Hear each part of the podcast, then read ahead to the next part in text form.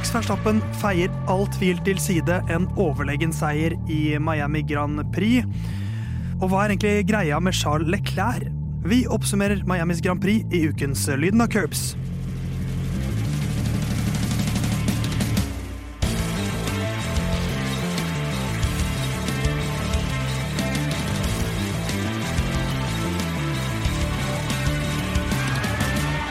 Ja, mensan, du blir ikke kvitt oss. Lyden av Curbs er tilbake nok en uh, tirsdag, uh, tirsdag kveld, onsdag morgen eller når som helst du hører på dette enten radioprogrammet, som går hver uh, tirsdag kveld klokken 19.00, faktisk. Første feil etter hvor mange sekunder? 15 sekunder av min prating, cirka. 19.00 tirsdag kveld så kan du høre oss på Radio Nova eller i din valgte podkastplattform når som helst. Så Etter det, da, fortrinnsvis. Ja, etter det, fortrinnsvis. Hyggelig at du hører på oss, du som har valgt å høre på oss. Theis sitter her bak spak og en virtuell klaff. Denne gangen også. Eh, Jon Halvdan, vi har allerede hørt din stemme. Du klarer jo faen ikke å vente på grønne lys, du. Nei. Så du sitter her, din aggressive sjåfør. Ja, nå har jeg fått drive-through penalty her òg. Ja. Eh, hvis vi skulle gitt oss, så hadde det jo vært under den der eh, fireukerspausen uh, mellom uh, Hvor det kom en vårpause som ingen ba om. Ja. Men nå som vi har hatt to løp på rappen, da har vi maks motivasjon for å være her. Ja. Iallfall to av oss. ja, i hvert fall to av oss, for vi møter opp, Vion som regel. Vi har vel hatt ett fravær hver av oss, holdt jeg på å si. Ja, totalt i Lyden av Curbs sin historie så har vi to vært borte én gang hver. Ja, eh, Herman Borgstrøm har vært borte litt flere ganger, skal komme tilbake til, eh, til hvor han er. Hun, hvor han er. Hvor han er. Det, jeg legger du merke til hvor god programleder er nå, Jonathan? Jeg Ja. legger inn masse feil før jeg introduserer vår nye gjest, for vi har ikke en av de gamle vikarene i dag. Vi har en ny vikar på plass. Tobias, eh, hei sann på deg sann. Hvordan går det med deg i dag? Hei sann. Eh, Det går veldig bra. Vil du si det er en ære å være med i Lyden av Curbs? Absolutt. Det er jo uh, en av mine favorittpodkaster. Ja, for vi uh, møttes, Tobias, for første gang for ikke veldig mange timer siden. uh, faktisk. Var rett på utsida. Ja, rett på utsida. Men, men det var en annen i studio som ble drukket ut, som det heter. Ja. Stemmer det. På lørdag. Det, det har så sånn Jeg har kanskje ikke snakka så mye om det her, men jeg skal jo gifte meg snart. Gratulerer! tusen takk. Hvor, når er bryllupet? Eh, 3. juni. eh, Bare å komme. Møte opp i Tvedestrand. ja. Eh, bare møte opp på havna der, så finner vi sikkert en plass. Eh, nei, ehm, eh, og eh, så jeg kan allerede røpe nå at det sannsynligvis er borte tirsdagen etter. Ja. Men eh, nok om det. Eh, jeg skulle da være hundevakt. Lørdag eh, var historien. Eh, det ringte på, og der sto min forlover. Eh, så da eh, Ikke forlovede, forlover. Ja. Eh, så da dro vi til byen, kjørte litt uh, gokart, eh, og der, som Herman vil vi skal si det, um, og der møtte etter hvert eh, Tobias og Theis eh, Ja. hverandre. Eh, kjærlighet ved første blikk. Eh, Tobias har vel uttalt jeg føler at jeg kjenner eh, Theis og Herman litt. Jeg gjør det. Ja, for du har, eh, du har hørt mye lyden av curbs, og nå får du se hvordan pølsa blir laget. Mm. Eh, og du skal være med å lage den også. Og jeg følte jo vi fikk en fin tone på lørdag, Tobias. Absolutt. Så hyggelig at du er her, men jeg kjenner jo egentlig ikke deg som Formel 1-fan. Nei. Eh, men før det så tror jeg vi skal høre litt fra Herman. Faktisk, Så skal vi bli kjent med deg som Formel 1-fan først, for han har jo selvfølgelig et personangrep Ja. å komme med. Så er her, eh, litt fra Herman her. Jeg er jo ikke med i podkasten i dag, for jeg er på Macclemore-konsert. Jeg har sikkert eh, satt meg til rette på noen seter på Sentrum Scene. Ja, jeg er en fyr som sitter på seter og ser hiphop-konsert, men Sentrum Scene har en helt egen plass i eh, hjertet mitt. Gode sitteplasser på konsert er helt himmelsk. Um, men jeg har en vikar i dag. Um, og jeg møtte jo faktisk denne vikaren i helga som var, og jeg hørte lovord om hvor god han var i gokart. Og så tenkte jeg kanskje at eh, det er mulig å få hans versjon av hvordan gokarten i helga som var, gikk. Det er mye å ta tak i her, men vi kan jo begynne med det siste først. Eh, Hvordan gikk gokarten denne helgen, Tobias? Nei, det var, flau, det var flaut. jeg, jeg tror eh, jeg gikk kanskje ut litt hardt. Og Jon Halvdan solgte meg ganske hardt inn, han òg. Ja. Eh, og så underpresterte jeg noe så voldsomt. For jeg, kan- jeg kan jo fortelle at eh, Herman og jeg vi, vi var jo, Jeg kjente jo Herman best, bortsett fra Jon Halvdan, liksom, i den forsamlingen. Så vi sto jo og prata litt, og var litt sånn og, Og Herman var litt sånn jeg- Han der tror jeg skal visstnok være jævlig god, så jeg tror han er den, eh, den å slå. Mm. Og det var jo deg, Tobias. Men uh, det gikk jo ikke så fort med meg heller i den gokartrunden der. Jeg slo jo dere begge. Ja, Du gjorde faktisk utrolig. det. Men- og Herman var raskest, da. Det må vi jo faktisk nevne. Det er riktig, Det kan jeg ikke huske, men jeg, det kan godt hende. fordi sånn jeg husker det, så sto jeg øverst på pallen. Um, Ja, ja. det, Herman orket ikke fordi det var, ikke, det var en rappkonsert, så han ble sittende. ja, det er riktig. Han orket ikke å stå. Eh, Men det var jo et nytt opplegg og greier, da, og elektriske gokarter og eh, eh, noe som minte om trafikalt grunnkurs eh, før, eh, som var hyggelig nok, det. Ja. Eh, men dere to mener at de elektriske gokartene det, det krever litt mer tilvenning enn det ene hitet vi kjørte. Jeg kan sikkert sitte her og skylde på alt mulig, men jeg tror det var at jeg, at jeg kjørte dårlig. Men jeg, jeg kan jo Altså, hvis jeg, skal, hvis jeg skal forsvare meg, så er det vel bare det at det, det var uvant. Jeg tenkte jo som så som, altså Herman skjønte jo ikke den vibben at det er jo et utringslag, Herman. Det er klart Jon Halvdan skal få være raskest. Så jeg, jeg slapp opp gassen litt før hver sving, for jeg visste at da slipper vi jo forbi.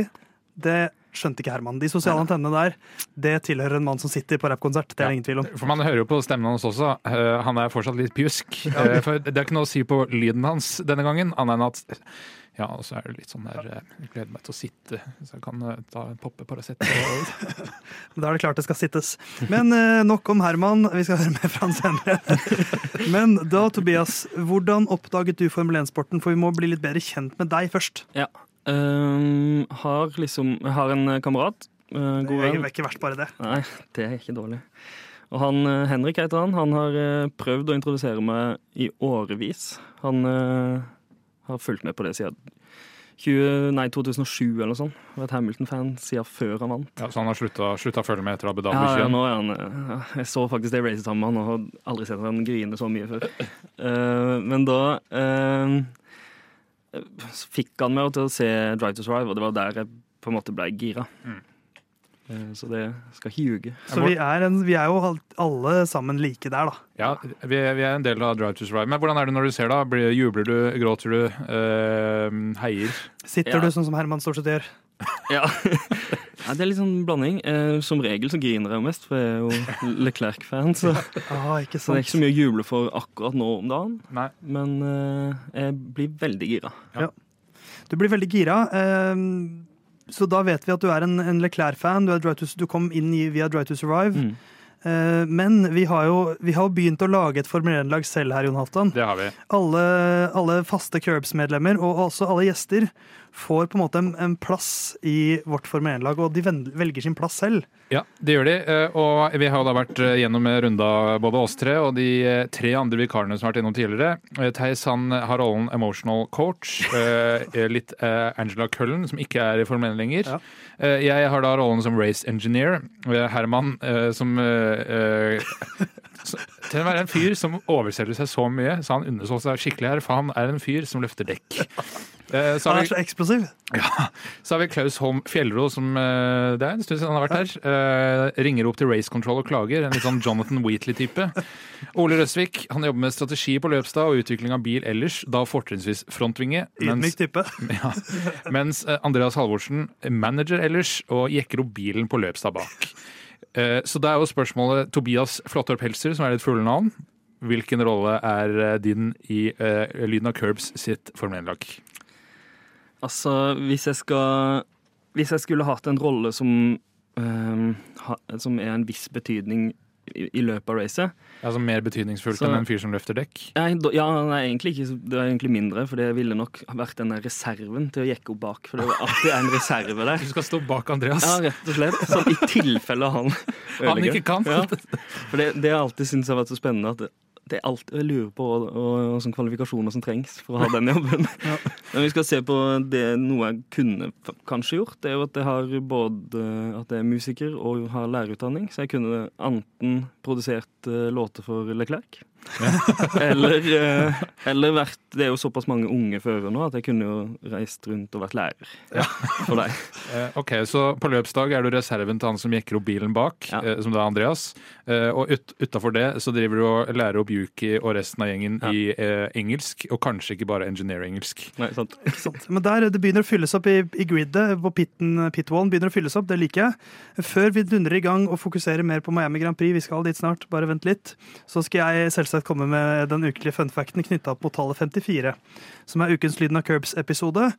Eh, Jeg kan jo da, jeg kunne gått for at det er antall podieplasseringer som Nikki Lauda har, eh, eller hadde i sin karriere.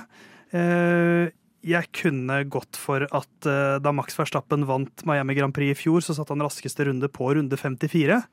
Men det jeg har gått for, er at da Alexander Albon fullførte Miami Grand Prix nå denne helgen på 14.-plass, så fullførte han sitt 54. Grand Prix. Ja, ikke dårlig. så gratulerer med den, Alex Albon. Vi dundrer på og prater mer om Miamis Grand Prix. Da har vi babla lenge om ting som er veldig løst knytta til Formel 1, nemlig oss selv. For vi er jo faktisk knytta til Formel 1, utrolig nok. Eh, men Vi er, vi er Norges nest mest uh, tillytta Formel 1-podkast ifølge Podtoppen. Ja, ikke sant. Og kanskje den nest mest fulgte på TikTok også. Lyden av Curbs jeg, heter det der. Lenger, jeg tror vi er lenger ned der. Av norske podkaster. Uh, ja, det er et par Om Formel 1. Nei, ja, for, ja podkaster. Ja. Hvis de er podkastkontoer. Det er Ja, riktig. kun det. Lyden av Curbs, følg oss, følg oss. følg oss. Eh, vi fulgte med på Miamis Grand Prix denne helgen, eh, og det ble jo et løp, det. Max Verstappen var raskest i Q1 og Q2. Kløna det til i Q3, eh, og så kløna Leclerc det til i Q3. Og da fikk ikke Max satt noen runde, så da ble det pole position på Sergio Perez. Mm. Så kommer løpet, og eh, Max starter på harde dekk et vanvittig langt stint, så kommer han seg opp og pitter, bytter til medium, og fiser jo ganske lett forbi Sergio Perez til slutt. Vinner med drøyt fem sekunder, eh, og Fernando Alonso blir nummer tre foran George Russell, Sainz, Hamilton og Leclerc. Gasly, Conn og Magnussen tar de minste poengsummene. Eh, Men Jon Hoftan, Max vinner, men hvor avgjøres, avgjøres dette løpet? Eh, altså Det avgjøres jo ved at eh, det er en eh, hva, ble, hva, hva var det Horner kalte det? En clean, fair fight mellom han og Peres. Altså at det ikke blir noe og Det er ikke gitt at Peres er største kandidat for at det der skulle rota seg til. Men det ble iallfall en forbikjøring hvor ingen gikk over streken, og Max kom forbi. Og det er jo det er øyeblikket det er avgjort.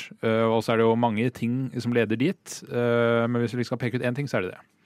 Ikke sant. Um, Leclerc, eh, nei, Peres forsøkte jo å forsvare litt. Eh, Jeg følte det var en sånn typisk forsvare seg mot en lagkameratforsvar. Eh, Når ikke alt står på spill. Ja, Han tar jo litt Bottas-varianten da, Ja. og forsvare tom luft. Som er, det er ikke alltid at det lønner seg å ta innsida bare fordi man skal forsvare seg. Men eh, ja, eh, han er jo selvfølgelig uh, andrefører enn så lenge. Eh, han ligger andreplass i mesterskapet, så for han nå Det er jo ikke gitt at begge bryter da, hvis de skulle kjørt inn i hverandre. Nei. Eh, Men, uh, men de vinner annethvert løp nå. Uh, Tobias, hva syns du om uh, måten Max på en måte dekker opp for egen feil? For det, det blir jo en følgefeil inn i løpet fra kvaliken. Hvor han jo kløner til den første banker-runden sin og ikke får satt en runde. Han redder seg fint inn. Hvordan syns du han kjørte? Jeg syns jo han selvfølgelig kjører kjempebra. Eh, og det er jo alltid imponerende når noen klarer å holde på dekka så sinnssykt mye lenger enn andre. Eh, for min del så var det litt sånn Det var jo gøy at det var en litt annen startrekkefølge enn det pleier å være. Men så vet jeg jo òg åssen det kommer til å gå, liksom. Ja, det var, var det mm, Hva var det Alonso sa? Eh, Du kommer til å hente meg på runde 15 eller noe sånt? Ja, det var vel runde 15-16 han kjørte Ja. forbi han. Ja, så, og det gjorde han jo, men, men, men det imponerende som du jo sier her, Tobias, er jo det faktum at Hva blir det? Eh, Verstappen er jo like rask på mm, sine harde dekk som Peres er på sine mediumdekk. Ja, medium, Eh, det, altså, her, her er jo første gang, føler jeg, i år at Verstappen virkelig har satt Peres på plass. Ja, og så kan man jo si, altså De er jo på forskjellige alternative strategier, og mediumdekket var et mye dårligere løpsdekk enn det det harde dekket var. Eh, samtidig så eh, er jo liksom spørsmålet hvordan det skjer, da. Men eh, når Max har liksom kommet opp til andreplass, så er han bare hva er det der, fire-fem sekunder bak. Det er jo nederlaget til Peres her, at han ikke klarer å liksom åpne opp en luke. Ja, for han må egentlig bare måke på fra start eh, for at det der skal gå bra. Og så er Max flink i, forbikjøringen, at han ikke roter seg inn i noe. Det er et romskip, den bilen der, for all del. Forbikjøringen han hadde på Leclerc og Gasly samtidig, var det det? Eh, Ja, stemmer. Hvor han eh, de, eh, Leclerc og Gasly bruker eh, Leclerc og Max bruker Gasly som rundingsbøye og kommer seg forbi begge to. Eh, Så han, han klarer liksom å ikke bli liggende og vente bak, mer som Hamilton, som vi sikkert skal innom eh, litt seinere. Han eh, brukte mye tid bak enkelte biler, og det tok lengre tid å kjøre seg opp. Mens her Max taper ingenting tid. Han har tilsvarende løpstempo mens han kjører forbi biler, eh, som det Peres har i front. Men jeg føler er sånn som Herman har snakka om flere ganger, at det er jo, føles jo litt sånn at med en gang du har eh, Verstappen i speila, så gidder du ikke kjempe så mye hvis du er en av de bilene som ligger Ja, ok, men fordi det løpet her da, så er det to varianter av den. For det ene har Gasly, som prøvde det. Øh, og tapte. Han mista da en plass til uh, en bil til, som jeg ikke husker akkurat uh, om det var Leclerc samtidig. Altså Han bruker tid på å forsvare Max. Mm. Helt unødvendig. Du taper til kampen bak. Og så er det Magnussen, som aldri gir seg når Leclerc prøver å kjøre forbi. Og det funker, men det var en det er liksom forskjell løpsdelta mellom de to bilene sammenligna med f.eks. alpin og Red Bull i det løpet her. Mm. Og ved å bruke Altså, du ser det jo på Alonso som og vi kan jo, s- Hvor mye er show og hvor er ikke show osv. Han bruker mye tid på å tenke. Han kaster ikke bort et tidel på å forsvare seg mot Max når det er science han kjemper mot. Nei da. Nei, og det, det hører vi jo hvert eneste løp flere ganger ingeniører som sier til eh, en fører de har som pusher litt for hardt for å prøve å ta inn en, så sier de eh, take it easy, Uh, vi kjører ikke mot han. Ja. Vårt løp er ikke mot den bilen. Ja, og det er helt, jeg er helt enig i det, og jeg syns Ja, ja. jo det er en riktig avgjørelse, men jeg bare Men det er at frustrerende å se på. ja, for, Og det gjør jo ikke at jeg syns på en måte forbikjøringen til uh, Verstappen er kjempeimponerende. Nei, nei. du vet at ingen av de fighter med han. Han, skal, han kan egentlig bare kjøre Ja. forbi, og han har bilen til det. Så jeg, jeg er enig i at det, det mest imponerende her mot Det er ikke så imponerende at han kjører seg opp fra niendeplass. Uh, fordi at han kan, det eneste han trenger, er å ta det Han må bare være forsiktig i starten. Og så vet han, som du sier, Jon, at det er et, eh, en rakett, den bilen der. Han vet at han kommer til å spise opp alle. Han sa jo at målet var andreplass. Det var liksom minimum. Ja. Mm. Eh, det imponerende her er jo hvordan han eh, virkelig viser eh, hvem som er raskest i det laget der. For etter forrige uke, hvor liksom Peres, eller forrige løp i Aserbajdsjan, hvor Peres virkelig hadde bra tempo Ja, ja. Jeg føler ikke at så langt i år at det har vært sånn soleklar klasseforskjell. helt annen maks da, øh, denne helga, fordi Baku så Ja, han har jo slitt litt med sjukdom også, det skal vi ikke glemme. Ja, og han virka jo muggen resten av helga etter Russell-incidenten. Øh, han øh, kjørte ikke egentlig sånn veldig bra, mens her er han liksom tilbake. Han skylder ikke på noen andre enn seg sjøl for feilen i kvalik. Han kunne kasta bort enormt mye energi på Leclerc igjen, krasjer ut i kvalik på en plass som er bedre enn meg, og stopper kvalifiseringa. Eh, Men, men her bare krumma han nakken og kjørte på. Eh, og så er DRS-en på den Red Bullen er så sinnssykt mektig kontra alle andre biler. Eh, men eh, det, uansett, han taper ikke noe tid til uh, Peres, og det er liksom det som blir avgjørende. Ja. Og, så, og det, det er jo to, to kreves for å danse tango. Det er jo også litt at Peres ikke klarer å dra ifra. Ja, ja, absolutt. For, for Verstappen smetter jo så elegant forbi alle de bilene og bruker jo som hva var det, 15 runder. Ja. Eh, og så kommer han opp, og så er det egentlig ikke så langt opp til uh, Peres. Eh, så det er jo der det kanskje ryker litt. Men, eh, men apropos Tsjekko. Eh, vår, eh, vår venn som jeg nå fikk en snap fra, som sitter på første rad på sitteplassene på Sentrum Scene, klar for konsert. Herman Borgstrøm han har sendt oss en ny lydfil. Og så har jeg en utfordring til dere i studio, og kanskje en utfordring som blir eh, vanskeligst for Jon Halvdan. Men det her var jo en ekstremt overlegen prestasjon av Max Verstappen. Jeg har ikke noen ting å ta han på engang. Um, nesten noe av det mer overlegne han har gjort over Peres. Fordi eh, ja, med bedre dekk og den strategien som utvikla seg, sånn, så var jo Peres egentlig helt sjanseløs. Men det jeg ønsker fra studio, er at dere argumenterer om hvorfor Sergio Perez vinner eh, førermesterskapet i år. Altså hvorfor vinner Sergio Perez VM foran Max Verstappen? Med litt gode argumenter for hvorfor det skjer. Det er oppgaven. Hvorfor vinner Sergio Perez? Uh, kanskje jeg skal begynne, siden dette er jo i utgangspunktet en litt vanskelig oppgave. Det er det. Uh, det må vi si. jeg, jeg har et årstall jeg tenker på. Ja, ikke sant? Uh, Det er 14 poeng nå mellom Verstappen og Perez. De har bytta på å vinne. Jeg tror Perez har et mer balansert hode enn Verstappen.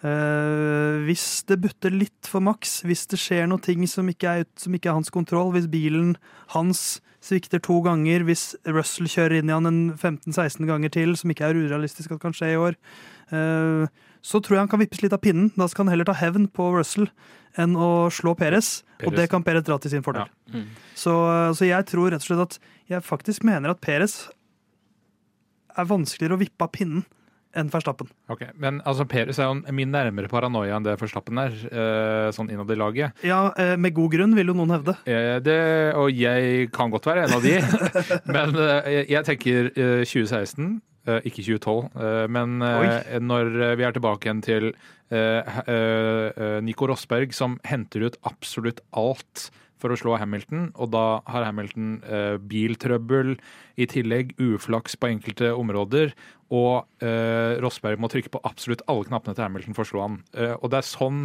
Peres kan få til det her. Eh, Og da man samtidig da eh, unngår vreden til uh, Helmut Marko, som har en sånn Daniel Ricardo-forma ris bak speilet. Uh, Så han må liksom unngå det. Men det er, må pushe maks overalt, hele tiden. Uh, Utafor banen, på banen. Eh, Og passe på å fikle bitte litt med bilen. Sånn vinner han. Tobias, hvorfor vinner Peres VM i år, da? Jeg tenker Det er ganske vanskelig å argumentere uten å si at det krever litt flaks, eller eventuelt uflaks, da. Men det er jo derfor fetter Anton alltid slår Donald Duck. Ja, fordi han er heldig. Det er lov å ha flaks. Ja, for jeg tenker eh, det Når det, ligger, når det ligger så likt som det gjør nå, ingen av dem har, har DNF-a. Eh, det skal jo Det blir jo veldig plutselig litt mer ubalanse hvis en av de hvis det krasjer eller det skjer noe med bilen Mm. i For- ett race. Så For, for den bilen er så Det var jo på en måte utfordringen til Bottas. Var at han måtte ikke bare slå Hamilton, han måtte slå Verstappen også. Mm. Så hvis, hvis eh, Hamilton feila, så var liksom Verstappen der og pusha han. Men hvis Verstappen feiler nå, eller hvis Perez feiler, Mm. så blir det nærmest walkover til den andre. Ja, for ingen ingen av dem kommer til å Fordi hvis den ene feiler, så vinner den andre. Ja, det er nesten garantert uh, 25-26 poeng uh, sving hvis uh, en av de bryter, eh, og den andre ikke er involvert, selvfølgelig. Men eh, ja, det må nok være totalvrak to ganger. Jeg tror Max trenger minimum to DNF. Mm. eh, mer enn Peres i løpet av sesongen for at Peres skal Ja. å vinne. Og det får han fordi Peres er et kjøligere hue. Eh, for her, her var ikke bare at vi skal si hvordan skjer det, men derfor skjer det. Ja. Fordi Perez er et kjøligere hue, og Verstappen kommer til å ville drepe George Russell i løpet av fem-seks runder til. Så har det skjedd en to-tre hendelser til, og da koker det. Men nå har, nå har vel ikke det vært mekanisk eh, nedbrytning av Red Bull siden Australia i fjor, hvis jeg husker riktig? Eh, nei, de har jo hatt litt sånn ulike problemer. Uh, men ikke noe sånn, sånn Terminal. DNF-terminal, nei. Så eh, Men eh, George Russell kan fikse det. Ja, Det kan han fikse. Så egentlig mitt svar Sergio, Pin- Sergio Perez vinner pga. George Russell. Ja. Det er mitt svar. Men eh, nå har vi babla veldig mye om Red Bull. Jeg tror vi skal kikke litt lenger ned på resultatlista.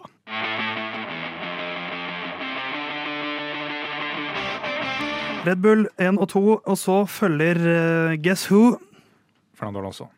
selvfølgelig. Uh, med det Er det fire av fem han har nå? Uh, ja, det stemmer. Han har, han har vært ekstremt stabil, Fernando Alonso. Fjerdeplass ble det jo da i Aserbajdsjan. Men en ting, altså det er en observasjon jeg har tenkt på lenge ved Alonso, som jeg aldri har nevnt, men som jeg bare må få ut nå. Jeg er selv en mann med et veldig stort hode. Eh, det ser Altså kanskje ikke sånn stort? Ja, fysisk stort. Når Ja. jeg skal kjøpe ny sykkelhjelm, for eksempel, så må jeg så har jeg sånn to stykker som kanskje passer hvis jeg tar den største modellen. Okay. Eh, Alonso har et veldig stort hode, og han har ikke så langt hår, men han har veldig mye hår. Eh, Og jeg skjønner ikke at han orker det, for han har så mye hår.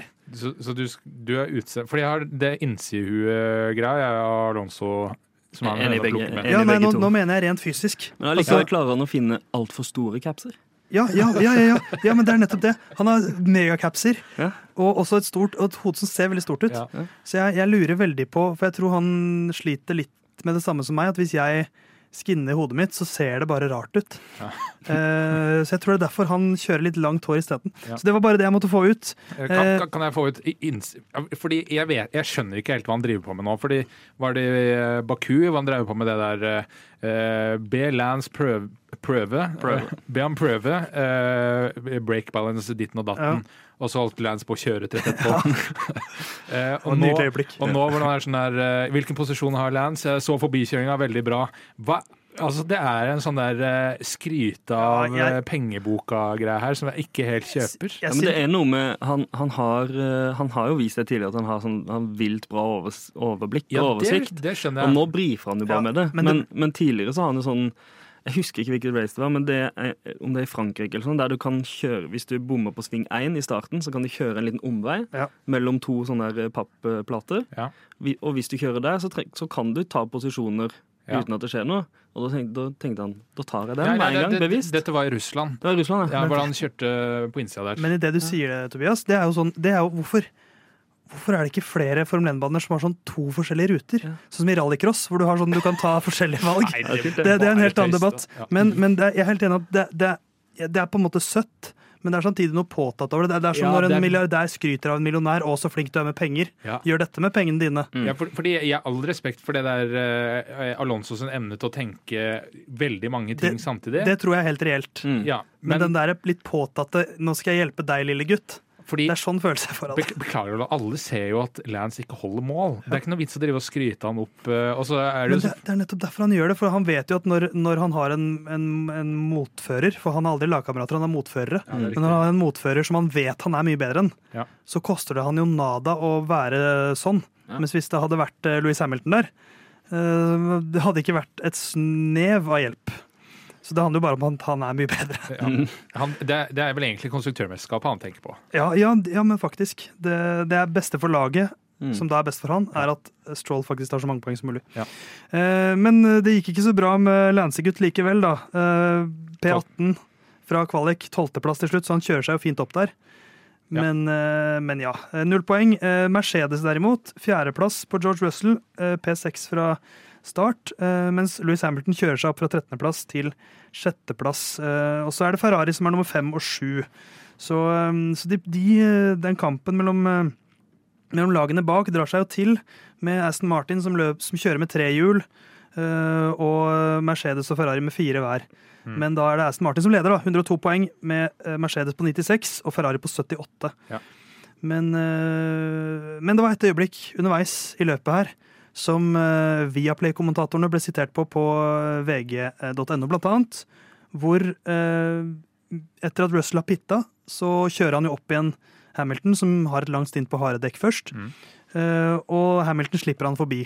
Eh, og det eh, ble beskrevet som her blir Hamilton ydmyket. Ble jo ish eh, Viaplay-kommentatorene sitert på. Herman eh, likte ikke det helt. Jeg leste i VG at eh, de norske kommentatorene, da var det vel Atle Gulbrandsen og Henning Isdal, var sitert på at det var så ydmykende av Hamilton. Eller altså at Hamilton blei ydmyka av at Russell skulle kjøre forbi. Fordi da hadde vel han vunnet 18 sekunder på han eller noe ut ifra hvor de starta osv. Um, det syns jeg er en helt håpløs uttalelse. Jeg har jo til og med nå terminert Viaplay-abonnementet mitt. Litt i affekt av det der, pluss at jeg er veldig lei av Premier League, da, så for all del. Men hva syns dere om en sånn type uttalelse? Er det noe som helst ydmykende, eller eh, er det ikke det? At Herman uh, gjør noe i affekt, det er vel ingen overskrift. Ja, Flytta seg ut i en kafé òg og Ja. inn denne delen. høres ut som han hadde et slags kjøkken, sånn storkjøkken i bakgrunnen, hvor de drev og vaska opp. Men, uh, men nei, altså, det er jo ikke ydmykende.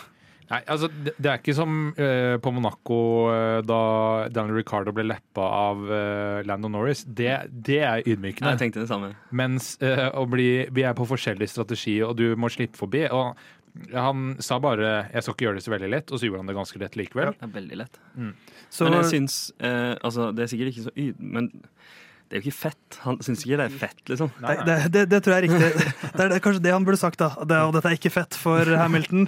Men, men det stammer jo også fra en, en dårlig kvalik. Hamilton fikk ikke fart på bilen, rett og slett. Starta Eh, P13. P13, ja. Så kjørte seg jo så liksom summa summarum. Han kjører jo et bra, veldig bra løp. Kjører seg opp og tar, eh, tar seks poeng, som er fire poeng mindre enn George Russell. og Han leder jo fortsatt på, fortsatt på Russell i, eh, i førermesterskapet med, med OK margin. Ja, Det er jo en vellykka strategi. Altså, han ender litt under 20 sekunder eh, bak eh, Russell, men han ender eh, under 10 sekunder bak Carlos Sainz, Ja. som starta P3. Så, så jeg vil jo si at eh, Hamilton gjorde det beste for laget og fikk god, et godt løp selv. Ja, han gjorde det. Um, men er det, er det noen flere vi vil ta tak i? Vi skal, vi skal ta en lengre prat om Charles Clair etterpå, men Ferrari var litt sånn vanskelig å få tak på her. Vanskelig å få has på. Eh, og Ja. Leclerc sleit med å få has på Kevin. Ja, altså han hadde nok eh, Han hadde jo en off i Qualic, kvalik, selvfølgelig. Eh, det virka som at det er et eller annet eh, som ikke var helt eh, skrudd ordentlig sammen igjen med den bilen. For den, eh, når Magnussen kunne pushe han såpass mye som han gjorde, så er det ja. Eh, hvis vi snakker om ydmykende, det å bli eh, sånn hunsa av eh, kundelaget ditt, det er liksom verre enn å bli forbikjørt av eh, lagkameraten din som er på en annen strategi. Ja. Eh, men eh, de snakka jo om det Science og Leclerc òg, at den Ferrari-bilen er veldig merkelig. Plutselig så overstyrer den, og plutselig understyrer den i samme sving. Så den er veldig uforutsigbar å kjøre, og det ble jo sagt det samme eh, i kvalik eh, av Leclerc, at han hadde satt opp bilen han visste at her er det sjanse for at det kan gjøre feil, men at det er potensial for å få en veldig rask runde. Eh, Og det gikk jo galt, selvfølgelig, men eh, eh, i løpet så er eh, de, er de er for dårlige på dekkbehandling. altså de, de spiser opp dekk sammenligna med spesielt Aston Martin. Ja. Fordi Science og Alonso var nærme hverandre en periode, og så ender Russell forbi Science til slutt. Så det de rett og slett har gjort, er at de har hørt på lyden av curbs og hørt det vi har sagt om Has. Hvor vi har sagt at Has bør sette opp bilen for å gå for pole. Ja. Og det er- har Leclerc trykket virket til sitt bryst. Ja. Han klarte ikke det her, da, men, men det blir jo en negativ utvikling etter en, egentlig en god Aserbajdsjan, hvor Leclerc tar pole og er på podiet. Eh, Så for deg som Leclerc-fan nummer én i Norge, Tobias, eh, så må jo det ha vært en tårevåt eh, søndag kveld der. Ja, ja det, er klart det, det er klart det er trist. Ja. Men eh, nei, jeg syns, jo det var, en, det, var, det var gøy å se på, i hvert fall den fightinga mellom han og, og Magnussen. Uh, selv om det føles litt rart at det står mellom de to. på Ja. Også, men jeg, jeg tror nok det er bare et resultat av at han uh, For at de skal prestere med den bilen de har, så må de uh, kjøre litt mer på, helt på kanten av det det er mulig for den bilen å gjøre. da. Og da skjer det sånn feil, og da Ja. blir det liksom Da sliter du dekka ut, og da blir det sånn Ja, jeg tror det. Mens, mens Has har litt mer sånn kjøre på. De har ingenting Ja. å tape, liksom. Nei, altså, altså De trenger jo åpenbart en god kvalik, Ferrari, for å få noe ut av eh, løpet, liksom. Og Vi har jo skrytt eh, veldig av eh, hvordan Gunther Steiner behandler førere som ikke gjør det så bra i laget til Has før. Han har vært ute og rasla med sabelen overfor Magnussen i forkant av det løpet her òg, og sagt at nå må du prestere bedre. Eh, og jeg syns det er en dritt måte han eh, behandler eh, førerne på, men eh, Magnussen responderte iallfall her. eh, selv om det virker jo som at Has ikke er i stand til å gjøre det bra med to biler. Nei, nei, men det var i hvert fall en som funka. Um, før vi dundrer videre, så har jeg bare lyst til å nevne så han som kanskje er, på, i ferd med å bli min Han er i ferd med å bli det Valtteri Bottas var for meg i fjor. Den jeg liksom fulgte litt ekstra med på og heide på. Det er Yuki Sunoda. Ja. Han har ikke gjort det poengmessig så bra. Han ligger på 16.-plass i VM. Eh, men han har altså vært så stabil. Og, og hvis du ser på medianresultatene, på en måte, hvis du tar alle resultatene og tar det da midterste, så gjør han jo ganske bra. For han har vært nummer 11, nummer 11, nummer 10, nummer 10 og nummer 11. Ja. Mm. så Yuki, det er en gutt som har lært seg å bli stabil, og det var jo det vi savna fra han. Ja, og Dette er jo samme løpet som Nyk de Vries ender på 18.-plass. Ja, Og så hva han holdt på med i første runde der, hvor han dreper uh, Landon Norris nesten. Jeg vet ikke om Jeg syns jeg fikk enda et godt argument, Jon, for det jeg har sagt. Vi har sett langt mer hårreisende manøver inn i sving 1 denne sesongen enn Det det, har vi. Nyk de Vries gjorde her. Men i et løp der alle fullfører, som er sånn 13. gang i Formel 1-historien at skjer, Ja. så er prøver Nykter fristid sitt beste på at det ikke skulle skje. Ja. Um, Det, det er liksom fælt det å sitte og håpe at folk skal krasje, men det er utrolig kjedelig Ja. når, det, når det blir sånn som det er nå. fått, men For meg, bare si det. ja, ja. Eh, Jeg, jeg snakka om før forrige løp, hvor det er sånn når du får safety car, én safety car i verst, altså i, midt i sånn der pittesona i antall runder. Kjedelig løp her. Mye mer gøy løp, eh, selv uten safety car. Vi skal komme tilbake til det, og jeg får ofte kritikk fra lyttere for at jeg mener for lite. Eh, Så jeg, derfor mener jeg litt. Nykter Fris, årets Nicolas Latifi.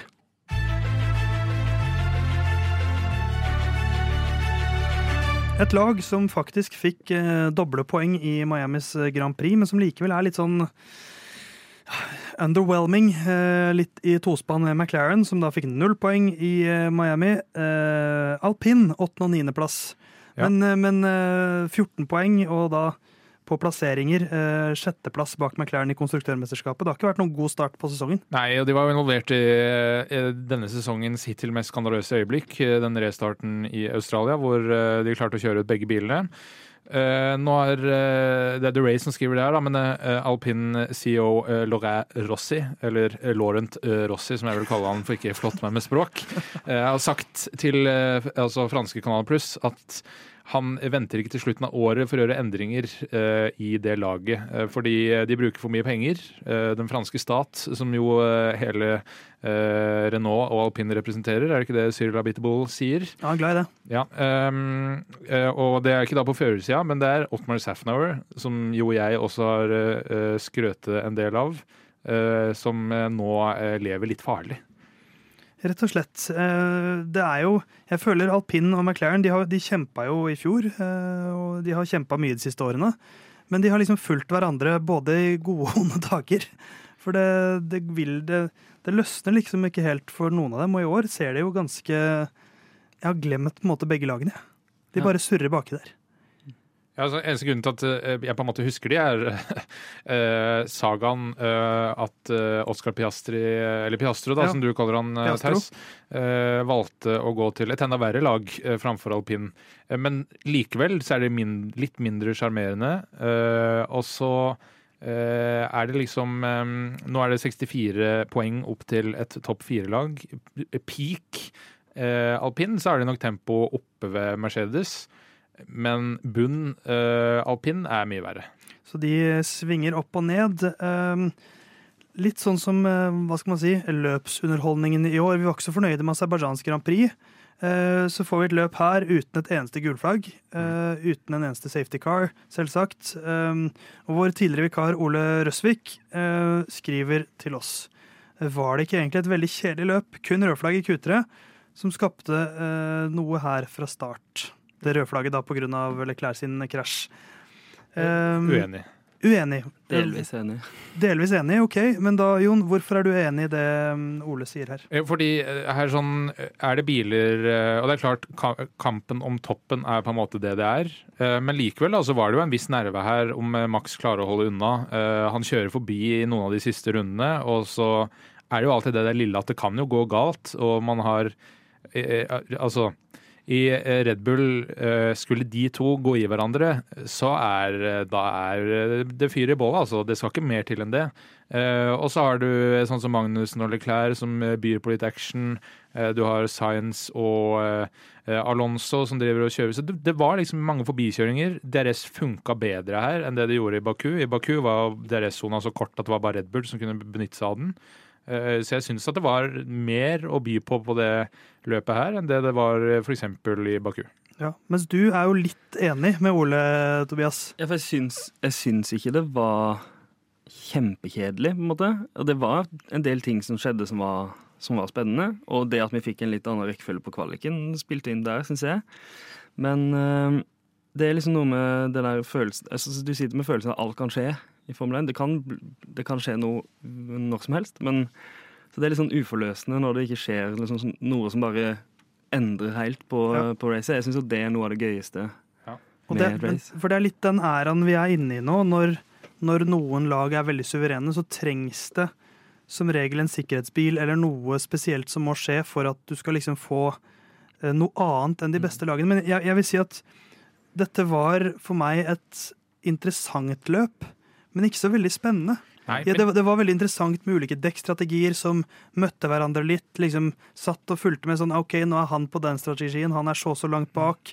Uh, satt liksom og regna for meg selv hele tiden og sånt. Og det var, så det var interessant. Men, og det var masse forbikjøringer. Ja. Men, uh, men det føltes samtidig ikke så veldig ut som det var forbikjøring hvor det liksom fighta om posisjon. Det var mer sånn Se her, kom forbi, jeg er på en helt annen strategi enn deg, så bare kjør forbi. Mm. Jeg, samla, jeg savna litt mer sånn tension rundt forbikjøringene. Og jeg tror for, for nye fans så tror jeg det her var et utrolig kjedelig eh, løp, men for oss som har sånne type ting å ta Ja, ja. tak i, så er det jo alltid noe å finne som er spennende. Men jeg ser jo alltid på den venstrestolpen, og det irriterer meg veldig når de skal vise det fulle etternavnet til alle førerne, for hvem bryr seg om det? Jeg vil heller se avstanden mellom Ja. bilene.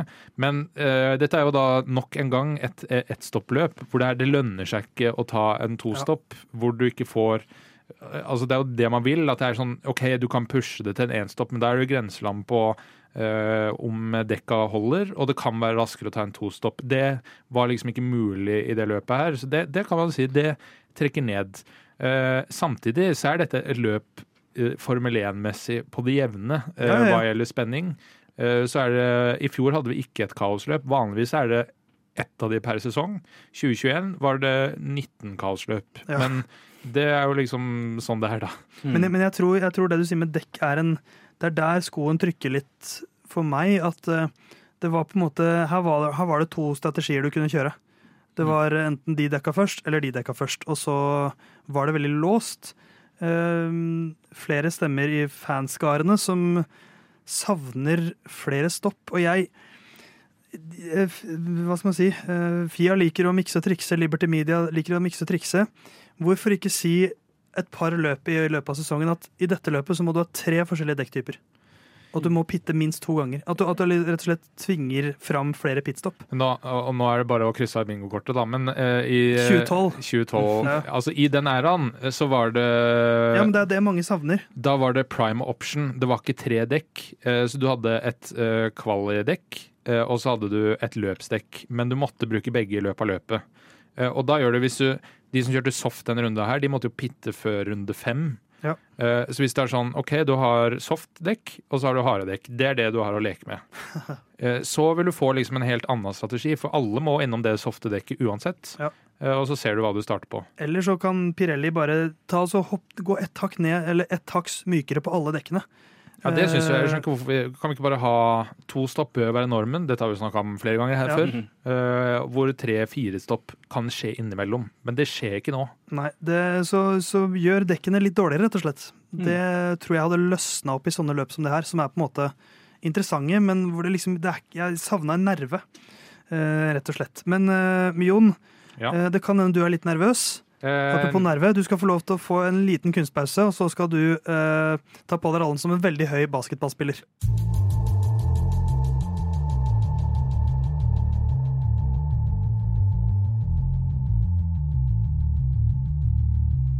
Du har jo kanskje ikke blitt Shaquille O'Neal, Jonathan, Jon Halvdan, men eh, vi har en ny greie i Lyden av Curbs i årets sesong hvor vi skal oppsummere løpshelgen litt sånn på ulike vis. ja, vi har jo sklidd helt fullstendig ut fra start her, da. Med, det begynte med Landon Norris, og Ja. dermed de 17 ting. Og så gikk det over i uh, eh, altså Vi var innom en Formel 1 uh, Så var det Herman som ikke ville gjøre det en uke, og så måtte jeg gjøre det for han til slutt. Og så gjorde han det som nyhetsoppleser forrige uke, og jeg som eh, James Allison. James Allison. Det er min feil. Ja. Men, men, uh, men jeg liker at det er litt fritt. Det er som frijazz. Det er ikke noen regler, det er bare å føle det. Det er riktig. Og, men du får en slags ramme, da, og du fikk Shaquille O'Neal, denne basketlegenden, Ja. Ja. som har vært ofte på Formel 1-løp Det er riktig. gjennom flere tiår. Uh, og jeg fikk jo da i oppgave, eh, som jeg skal selvfølgelig ikke glemme det her, Herman, om å oppsummere Formel 1-helga til Shaquille O'Neal. Han er jo da først og fremst kjent fra basket, men dette ble oppsummeringa av helga til hans alter ego DJ Diesel. Når Shaquille O'Neal ikke får lov til å ha like fremtredende rolle under Miami Grand Prix som han får i Austin, så hever han seg over tullet til LL Cool J, kler på seg sitt alter ego DJ Diesel og byr opp til dans etter kvalifiseringa når fansen er invitert til Miami Grand Prix poolparty. Var man tidlig ute, så kunne man visstnok skaffe seg billetter som starta på 100 dollar. Det er litt vanskelig å tro når man kunne leie en standard gitar cabana som kosta 24 000 kroner.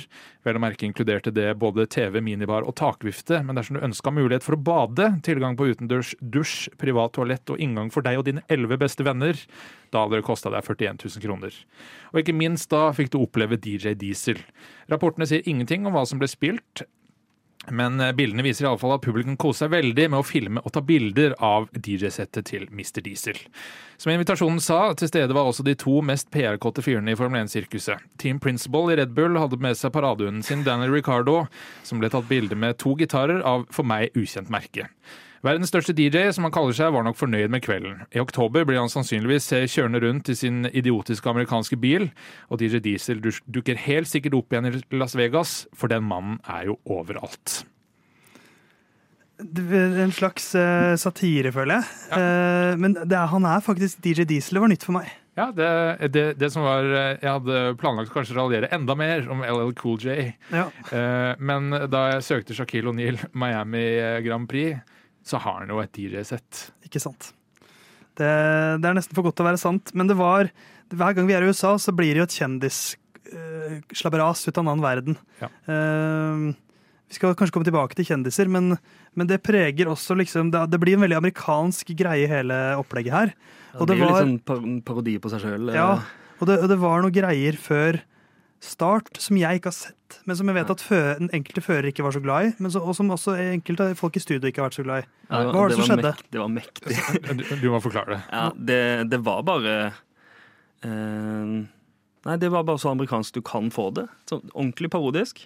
Uh, det starta med han uh, Will I Am som dirigent for et uh, orkester. Slags strykeorkester. Et slags strykeorkester og trommis. Og, uh, og på en måte så skulle alle førerne bli presentert, da.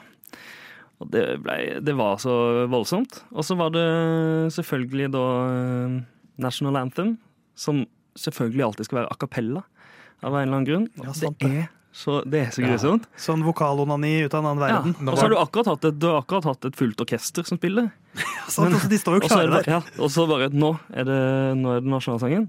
Den skal være Jeg vet ikke hva som er verst. Det skolekorpset i Saudi-Arabia som spilte nasjonalsangen deres, ja. eller, eh, eller, dårligere enn skolekorpset eh, der, eller det der eh, a cappella-greiene. Jeg syns det er mye mer sjarmerende med dårlig korps. Ja, ja. Men det var jo LL Cool J da, som uh, introduserte alle de her.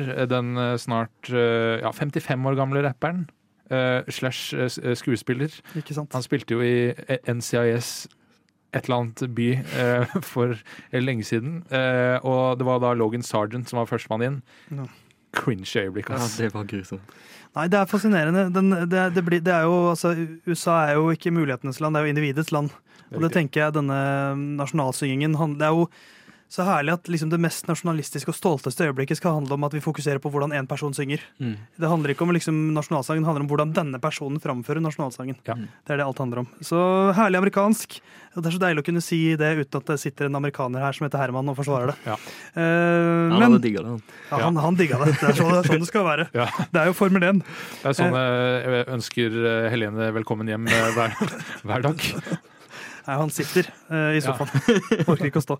Men uh, fra uh, kødd, holdt jeg på å si, fra useriøse, useriøse amerikanere til seriøs tipping her i Norge. Ja. For vi har et blodig alvor i vår tipping og Ukens sjuking osv. Jon, vi har hatt en ny tipperunde. Hvordan ja, har det gått? Det har gått sånn passelig for to, og litt mindre passelig for én. Men det er jo sånn som det pleier. Jeg sa jo forrige runde at nå skulle jeg change a winning team. Det var dumt. Eh, men jeg fikk jo da følge på å bytte ut eh, Leclerc, nei, Alonso fra nederst på pallen, for der hadde jeg Sainz og du og Herman Leclerc. Null poeng. Eh, vi to, Theis, vi hadde lik én og to. Verstappen Peres. Det gir full pott og tre poeng hver for hver fører, så totalt seks poeng. Mens Herman hadde da Peres Verstappen. Han tippa jo da samme pall som i Baku, for han skulle være så utrolig original. Så det ble da til sammen to poeng. Og så uh, var det da Ukens sjuking. Og her er det da mulig å hente 20 poeng. Herman hadde at Daniel Ricardo er synlig et talkshow-segment tre ganger under løpet av kvalik og fem offisielle Formel 1-kontoer. Han drev og sendte noen sånne der off-brand Formel 1-kontoer. Uh, ikke godkjent, det. Ikke godkjent. Uh, så han vel ikke under løpet av kvalik. Vet ikke om han var i talkshow-segment. Har heller ikke fått en mappe Nei. med 'her er alle mine bevis' fra Herman. Og jeg, jeg så han én gang under løpet, okay. faktisk. Om det var kvalik eller om det, det husker jeg ikke, men han var på skjermen én gang, og da jubla publikum. Ja, under løpet. Men det var eneste jeg så han, og jeg så han ikke på noen talkshow talkshow-greie, og det hadde jeg sett i sosiale medier hvis han var. Ja. Mm. Så, eh, så nada poeng der. Eh, jeg hadde I løpet av kvalik eller løp så ser man på FN-sendingene kjendisene Flo Rida, Matthew McConney, Johnny Depp, Brad Pitt og Donald Trump. Eh, jeg så vel egentlig ingen av de. Jeg så Tom Cruise, Roger Federer, ja. uh, Will I Am. Ja. så ingen poeng der heller. Og, um, Men så Nei, vent nå litt, Theis. Offtrack er Hamilton avbilda i bare klær som Theis kunne gått med uten å få heva øyebryn. Ja, Det jeg sa, var vel at uten at dere to, altså du Jon Halvdan og Herman, hadde, hadde Ja, jeg gjorde det. Men jeg, jeg spurte jo våre lyttere, da. eh, På Instagram Story. Dette er ikke noe demokrati. eh, Men jeg spurte våre lyttere, eh, og spurte fortjener Theis 20 poeng for ukens sjuking etter Miami Grand Prix. Og eh, ni stykker har svart like selvsagt som at Louis Hamilton er goat. Flere enn som svarte like mye som Team Cook fortjener å vifte med flagg. Men jeg har sett gjennom alt han har hatt på seg. Det er kanskje ett antrekk jeg kunne gått med, som var en litt sånn rød, hvit og blå skjorte og ja, bukse. det hadde vært ekstremt under tvil. Den Ja, der Der kunne eh, jeg gått i hjemme og liksom gått ut med søpla uten at jeg hadde følt meg skammelig be- belagt. Men alt annet kunne jeg ikke rørt. den lilla paljettdressen han hadde på, den hadde ikke du kunne kommet inn i studio her uten Akkurat den eh, kunne jeg kanskje rocka. Nei, det, ikke uten at vi hadde reagert. Nei, det er sant. Nei, jeg, jeg innser at jeg ikke får noe poeng. Jeg, jeg tar den. Ja, eh, og Tobias registrerer at han ikke argumenterer veldig hardt for deg heller. Nei, eh, syns så du, da- syns du, du kjenner jo ikke meg like godt, eh, Tobias. Syns du jeg kunne rocka det? Eh, Ja ja, selvfølgelig. Men nå er det dessverre ikke jeg som bestemmer det. Nei, det er sant. eh, Så null poeng på meg der, da. Men, men hvordan ser det ut i sammendraget nå, Jon? Jo, det gir jo da en sammenlagsscore på som vanlig Herman i bunnen, 16 poeng. Eh, etterfulgt av Theis. Nå er det blitt et lite hopp her, da. Eh, Syv poeng foran med 23 poeng. Og jeg leder fortsatt over to poeng med deg, Theis, med 25 poeng. Ny tipperunde neste uke.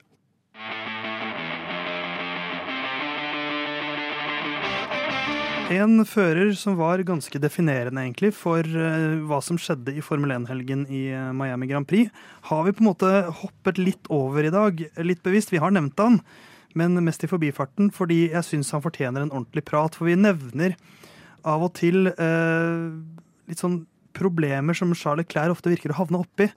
Eh, og så har eh, tidligere vikar eh, Ole Røsvik kommet med en påstand. Gidder noen adressere det tabloide uttrykket om at Leclerc ikke tåler press? Bare rør, er påstanden fra Ole Røsvik. Så jeg tenkte egentlig at vi skulle prøve å liksom analysere Charles Leclerc litt. Hva er det egentlig som går galt eh, når det går galt? Og da liksom se bort fra at bilen er treig, på en måte. Men mer sånn når noe går galt, hva er det som skjer? Eh, for denne helgen så kjører han ut i kvalik, eh, og da tydeligvis fordi en bil, bilen ikke er veldig lett å håndtere, men samtidig, eh, Carlos Sainz kjører ikke ut. Ja, altså Martin Brundle, som er eh, sidekick-kommentator eh, for Sky, eh, har sitt favorittuttrykk eh, 'ambition ahead of adhesion', som er at man er for ambisiøs for det man prøver på. Det er med eller klær. Press syns jeg ikke det handler om. Her sånn handler det om at han kjeder seg. Eh, I den der, eh, for meg gjør det iallfall det. Han kjeder seg med Ferrarien. Den er vanskelig å kjøre. Nå skal han sette pål, og så koste hva det koste vil. Og spiller det i praksis noen rolle for han om det blir eh, få poeng eller litt færre få poeng? Ja, jeg tror det er, det er litt sånn alt, Han er litt sånn alt eller ingenting nå, som han kanskje må være av eh, den bilen han kjører, og bilen til, til andre lag, som Ja. er mye bedre. så, så er det litt sånn eh, Ja, jeg tror han bare er så på limiten han kan for å ha noe sjanse til å prestere bra, i hvert fall. Ja, for jeg, det, jeg er helt enig i at, at jeg, tror, jeg, tror ikke hoved, jeg, tror ikke han ikke tak, jeg tror ikke det er det at han ikke takler press. Eksternt press tror jeg han ikke har noe problem etterpå. Jeg tror ikke det er det som preger han. Ja, Det har han vist tidligere med, i Formel 2, blant annet, når han altså, mister Var det, var det faren han mista? Mm. Og vant race rett etterpå? Mm. Han viser jo at han har en, eh, at han har en mulighet til å stenge ting ute da, Ja, når, også, det, når det står på. også måten han har kjørt på i enkelte løp hvor han har vært veldig pushet av eh, flere lag. Og Mm. liksom, han, han, er en helt, han har et helt utrolig talent. Det var jo den her uh, winstreaken han hadde, det var vel i 2019, uh, da uh, Ferrarien plutselig ble så rask før eh, Ja. det kanskje eller kanskje ikke hadde skjedd noe med den motoren. Winstreaken på to. Eh, ja, men, men det var eh, spa eh, etter, eh, Spa etter dødsfallet til eh, kompisen og eh, Monza eh, Mm. på hjemmebane, hvor han blir pusha knallhardt av Hamilton. Og ja, han pusher tilbake på grensa, om ikke over grensa, men han står det løpet ut. Mm. Eh, så det er mer de der eh, eh, Jeg vet ikke om det er eh, fordi han uh, ikke er så god til å være så på grensa hele tiden at han takler det dårligere enn kanskje Hamilton og uh, Verstappen gjør, som gjør at han kjører ut i Frankrike i fjor f.eks. Og nå i kvalik så er det jo, uh, som jeg var inne på, det er en veldig vanskelig bil å kjøre, eh, som de åpenbart må pushe helt til grensa. Altså det er mer sånn som eh, Verstappen måtte eh, for å av og til konkurrere med Mercedes i Mm. sånn eh, 2018-2019. Men nå har det jo Red Bull en bil som er sånn, den kan jo bestemora mi kjøre. Eh, fordi du trenger ikke kjøre den alt den kan Mm. eh, for å være bedre enn alle andre. De må til og med holde igjen litt. Ja, de må jo det. Ja, og da er spørsmålet er det, er det mulig for Leclerc å holde igjen litt, eller mister han da alt, på en måte? For det blir jo altså han, han, for det, det er, Jeg tror det er spot on det du sier, Jon, og som også flere har sagt om han, at han, han, vil, for, han vil mer enn det som er fysisk mulig. Uh, og, altså, noen ganger så det, går det fortere hvis man roer det ned litt og kjører litt saktere. Men jeg tror, ja, det er ikke sikkert han vil. Eller sånn der, hvis det er sånn der Han vet det at hvis han roer ned litt, så blir det liksom midt på treet. Og han er ikke der for å Nei. Være midt på treet. Han vil jo derfor vinne. Vinnerskaller alle sammen, liksom. Så Ja, og så vet ikke om dette nødvendigvis gjelder Leclerc, da, men det er også et begrep som ble snakka spesielt uh, De 2020-bilene som er kanskje det er de raskeste Formel 1-bilene noensinne. Hvor nå begynner vi å nærme oss grensa på uh, oppløsninga på hvor raskt en fører kan tenke, fordi svingene kommer så fort. Mm. Uh, at Leclerc kanskje har en litt sånn lavere terskel for hvor mye ting takler han på rekke og rad når han er helt på maks.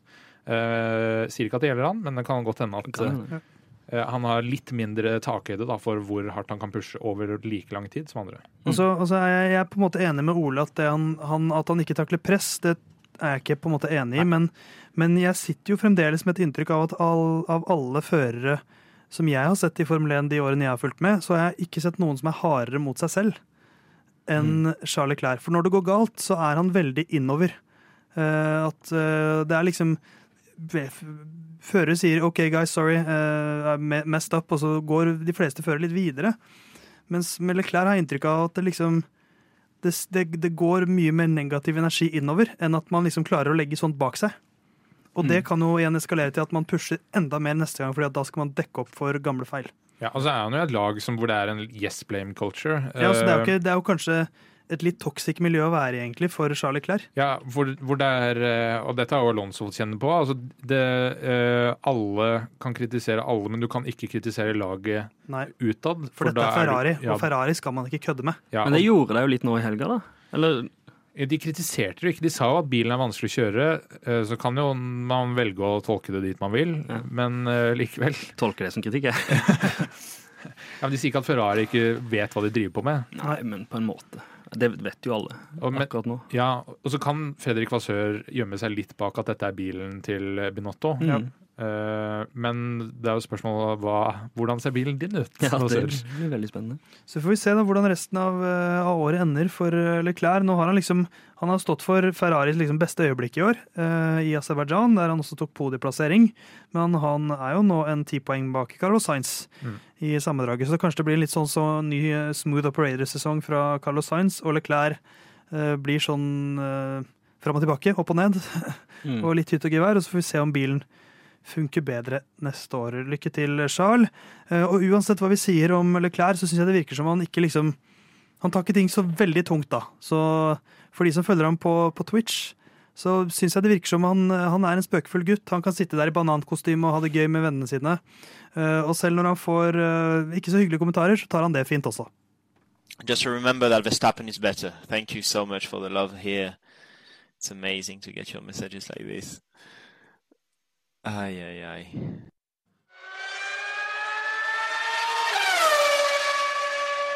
Før vi avslutter for denne gang, så skal vi eh, inn i den digitale sfæren til dataspillet som heter F1 2022 er den eh, siste utgaven. F1 20, eller 23 heter det bare. Eh, ja. Eh, Det som 22 kommer, år forrige år. stemmer det som kommer nå i juni. Eh, Vi har prata om det tidligere. Eh, Vår følger på Instagram, Stoffy, eh, Hei, sendte oss et uh, spørsmål, får vi si. Uh, Dere nevner ofte at dere er så gode på F1 2022-spillet. Bli med på ligakjøring, da vel. Har vi sagt at vi er så gode? Det er vi ikke. Det er Herman som eh, sier han er så god i Bahrain. Ja, og her snakker vi jo relativt til hverandre, før har jeg alltid følt selv. Ja, det syns jeg òg. Vi har drevet på med ligakjøring før, eh, og vi har ikke hatt tid eh, til å ta det opp igjen. Vi har vel ambisjoner om at vi skal gjøre noe ligakjøring igjen denne sesongen. Vi får se når det eventuelt blir, og om det blir. Det er rart hvordan alt ble vanskeligere med sånne ting etter at uh, livet kom tilbake etter covid. For Ja, dette var jo noe vi begynte virkelig med under covid-19. Ja. Men, uh, men uh, derfor tenkte vi at vi skulle snakke litt mer om eh, F1-spillet. Jeg har begynt å spille det litt igjen de siste ukene. eh, Begynt på en ny liten karriere der. Eh, Mens du, Tobias, du er ikke noe gamer, har jeg skjønt. Absolutt ikke. Jeg har vel aldri spilt. Jo, jeg har spilt det én gang. Ja, ikke sant? Men det ga ikke mersmak. Absolutt ikke. For det, det er jo et slags Og det nye spillet, det kommer nye baner. Denne historiemodusen skal det være litt mer fokus på. Karrieremodusen skal få litt mer sånn eh, De skal endre måten du utvikler laget litt på, visstnok, osv. Og, så og det tror jeg kan være greit. Eh, De har også da introdusert eh, 35% race distance, som høres litt fjollete ut, men, men jeg liker det. ja, jeg òg, for 50 er for mye. Ja. Og 25% har på en måte blitt standarden. Jeg tror det er det flest kjører. Ja, for løpstid er ca. 20 minutter på 25, Ja. Uh, ca. 40 på eh, eh, 50, 50, ja. mens halvtimen perfekt, og litt mer strategi. Kanskje det kan være interessant. Men uh, hva, hva ønsker vi oss, Jon? Vil vi ha mer eh, simulering? Vi kjører jo med kontroller, så det er bare begrenset på hvor simulerende kan bli. Det er riktig. Eh, og for det er jo liksom eh, spørsmålet til eh, F1-spillet. Altså Max har jo sagt han liker ikke spillet. Fordi det er, det er sånn i skjæringspunktet mellom Arkade, altså ikke helt Mario Kart, men altså du har typ sånn eh, eh, ikke Forsa heller. Jo, Forsa Horizon. Det er mer Arkade-racingspill. For du kaller det Forsa, ikke Forza. Uh, ja, eller- Ferrari. eller Forza. Det, det er Forsa, eh, som eh, bare for å være ekstra vanskelig. Uh, og så har du iRacing og Assetto Corsa, som er eh, mer sim-spill.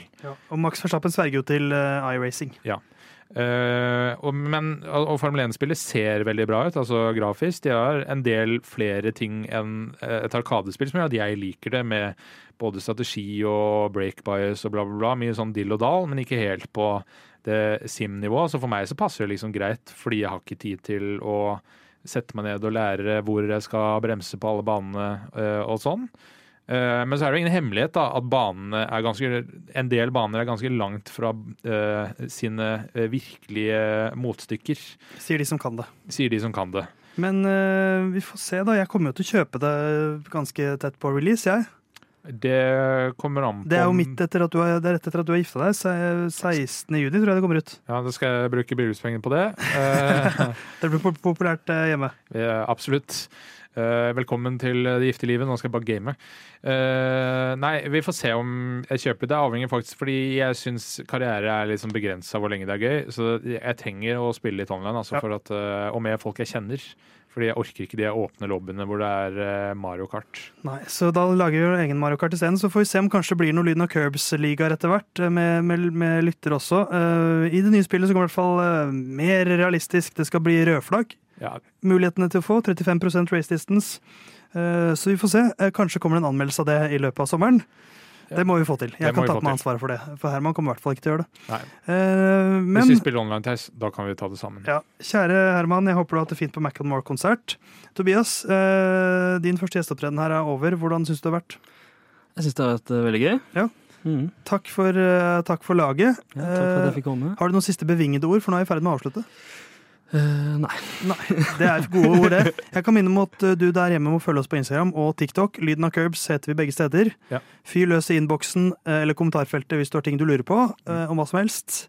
Uh, Jon, hva er dine siste ord? Eh, anbefal oss til din verste fiende. Eh, og til din beste og tredje beste venn og beste kollega. Neste uke skal vi se fram mot Emilia Romagna. Vi høres!